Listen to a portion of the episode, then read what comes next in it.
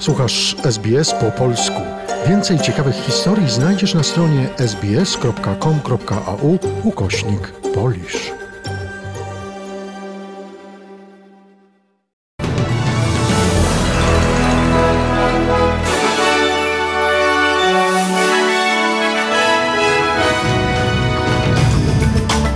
Dobry, przy mikrofonie Joanna Borkowska-Surucić. Oto skrót najważniejszych doniesień we wtorek 3 maja.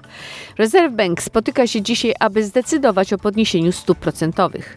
Nowy raport klimatyczny ostrzega, że pół miliona nieruchomości w Australii może nie podlegać ubezpieczeniu. Nowy pakiet unijnych sankcji powinien uniemożliwić Rosji czerpanie zysków ze sprzedaży energii. W Warszawie prezydent Andrzej Duda weźmie udział w uroczystościach Święta Narodowego 3 maja. A oto szczegóły wydarzeń. Rozpoczynamy od wiadomości w Australii.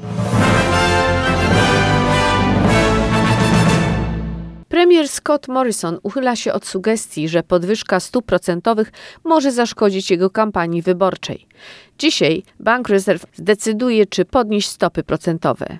Według powszechnej opinii stopy procentowe wzrosną po raz pierwszy od ponad dekady. Inflacja osiągnęła najwyższy od 20 lat poziom 5,1%. Morrison powiedział, że Australijczycy rozumieją, że w grę wchodzą czynniki zewnętrzne. Uwaga, społeczeństwo jest skoncentrowane w tej chwili na oprocentowaniu. To nam pokazuje, dlaczego gospodarka jest tak ważna. A zaledwie trzy tygodnie temu facet, który chce zostać premierem, nie znał nawet stawek gotówkowych. Tak, ale znowu mówisz mi, że stopy procentowe były niskie dzięki tobie, a teraz idą w górę. To nie dzięki tobie. Nie powiedziałem tego. Powiedziałem, że byliśmy w dość niezwykłym globalnym środowisku. Tymczasem Partia Pracy zarzuca premierowi, że przypisuje sobie tylko dobre wiadomości gospodarcze, a nie bierze odpowiedzialności za złe. Rzecznik Skarbu Opozycji Jim Chalmers mówi, że Scott Morrison chce udawać, że nie ma nic wspólnego z rosnącymi kosztami utrzymania. Dodał, że nie sądzi, aby ktokolwiek byłby zaskoczony wzrostem stóp procentowych. You know, under Scott Morrison, this is a full-blown cost of living crisis. Teraz za rządów Scotta Morrisona koszt utrzymania jest w kryzysie, a rosnące stopy procentowe mają być częścią tego bólu. Mamy gwałtownie rosnące koszty utrzymania, mamy spadające płace, a teraz dzisiaj lub w przyszłym miesiącu będziemy mieć również podwyżki stóp procentowych. I tak niezależnie od tego, czy stopy procentowe zostaną podniesione dzisiaj czy nie, wiarygodność premiera jest w strzępach. Nowy raport Rady Klimatycznej mówi, że ekstremalne warunki pogodowe mogą spowodować, że do roku 2031 na 25 australijskich domów nie będzie podlegał ubezpieczeniu. Liczba ta wzrasta do 1 na 10 domów w niektórych najbardziej dotkniętych obszarach, częściach Brisbane, Gold Coast, Greater Shepparton, Ballina i Port Adelaide. Analiza przeprowadzona przez Climate Valuation obejmowała setki milionów danych, które składają się na mapę wyznaczającą ryzyko klimatyczne. Australijczycy mogą używać tej aplikacji do wyszukiwania zagrożeń związanych z pożarami, powodziami i ekstremalnymi wiatrami według przedmieść, obszarów samorządowych lub okręgów wyborczych na przestrzeni kilkudziesięciu lat. Prezydent Ukrainy Wołodymir Żeleński powiedział w wieczornym wystąpieniu, że nowy pakiet unijnych sankcji powinien uniemożliwić Rosji czerpanie zysków ze sprzedaży energii. Podkreślił, że Moskwa zarabia na paliwie miliard euro dziennie. Ukraiński przywódca wyraził również nadzieję, że w najbliższej przyszłości Unia Europejska nałoży całkowite embargo handlowe na Rosję. W weekend Komisja Europejska prowadziła konsultacje z krajami członkowskimi na temat nowych sankcji na Rosję. Z nieoficjalnych informacji wynika, że Komisja proponuje m.in stopniowe wprowadzanie embarga na dostawy ropy z Rosji do końca roku, odłączenie największego banku od systemu SWIFT i uderzenie w przemysł chemiczny. Nadal jednak nie jest uwzględniony postulat Polski, czyli wprowadzenie embarga na dostawy gazu i objęcie sankcjami także Gazprom Banku. Odessa.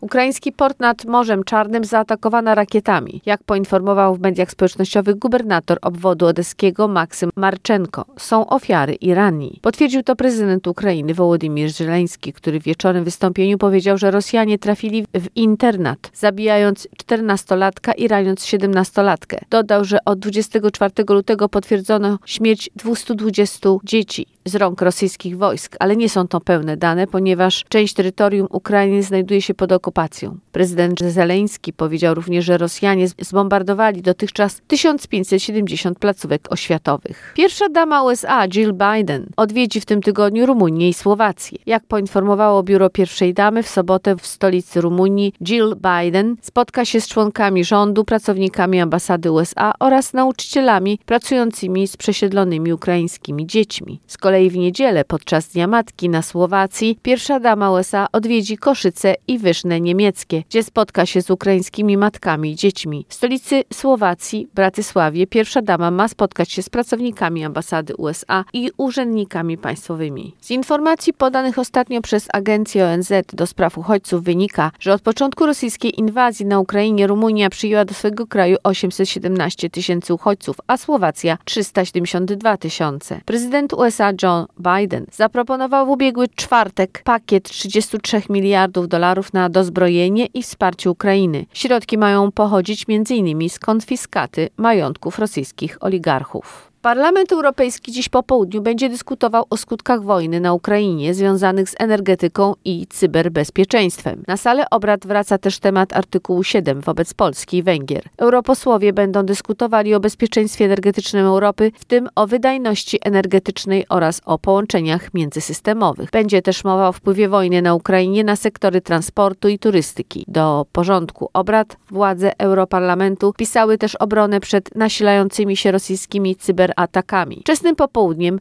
Parlament Europejski wróci do dyskusji o trwających wysłuchaniach na temat praworządności w Polsce i na Węgrzech w ramach artykułu 7 Traktatu o Unii.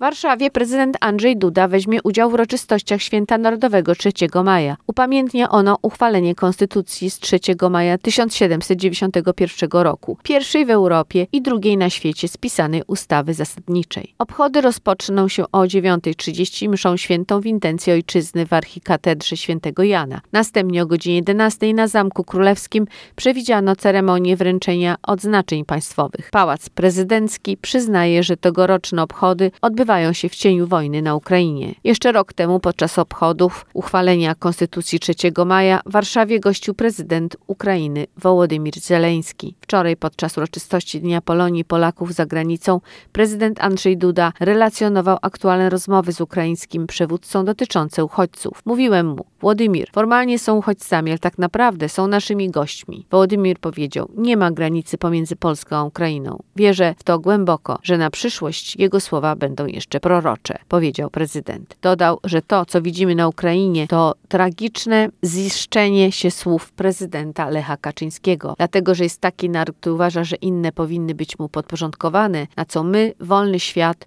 mówimy zdecydowanie nie.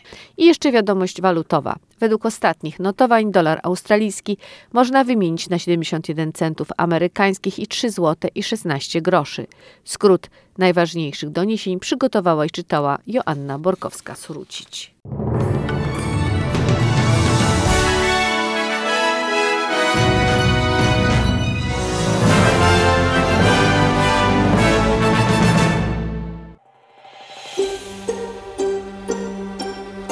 Zainteresowało Cię? Chcesz usłyszeć więcej? Słuchaj nas na podcastach dostępnych w Apple Podcast, Google Podcast czy Spotify lub w jakimkolwiek innym, który używasz.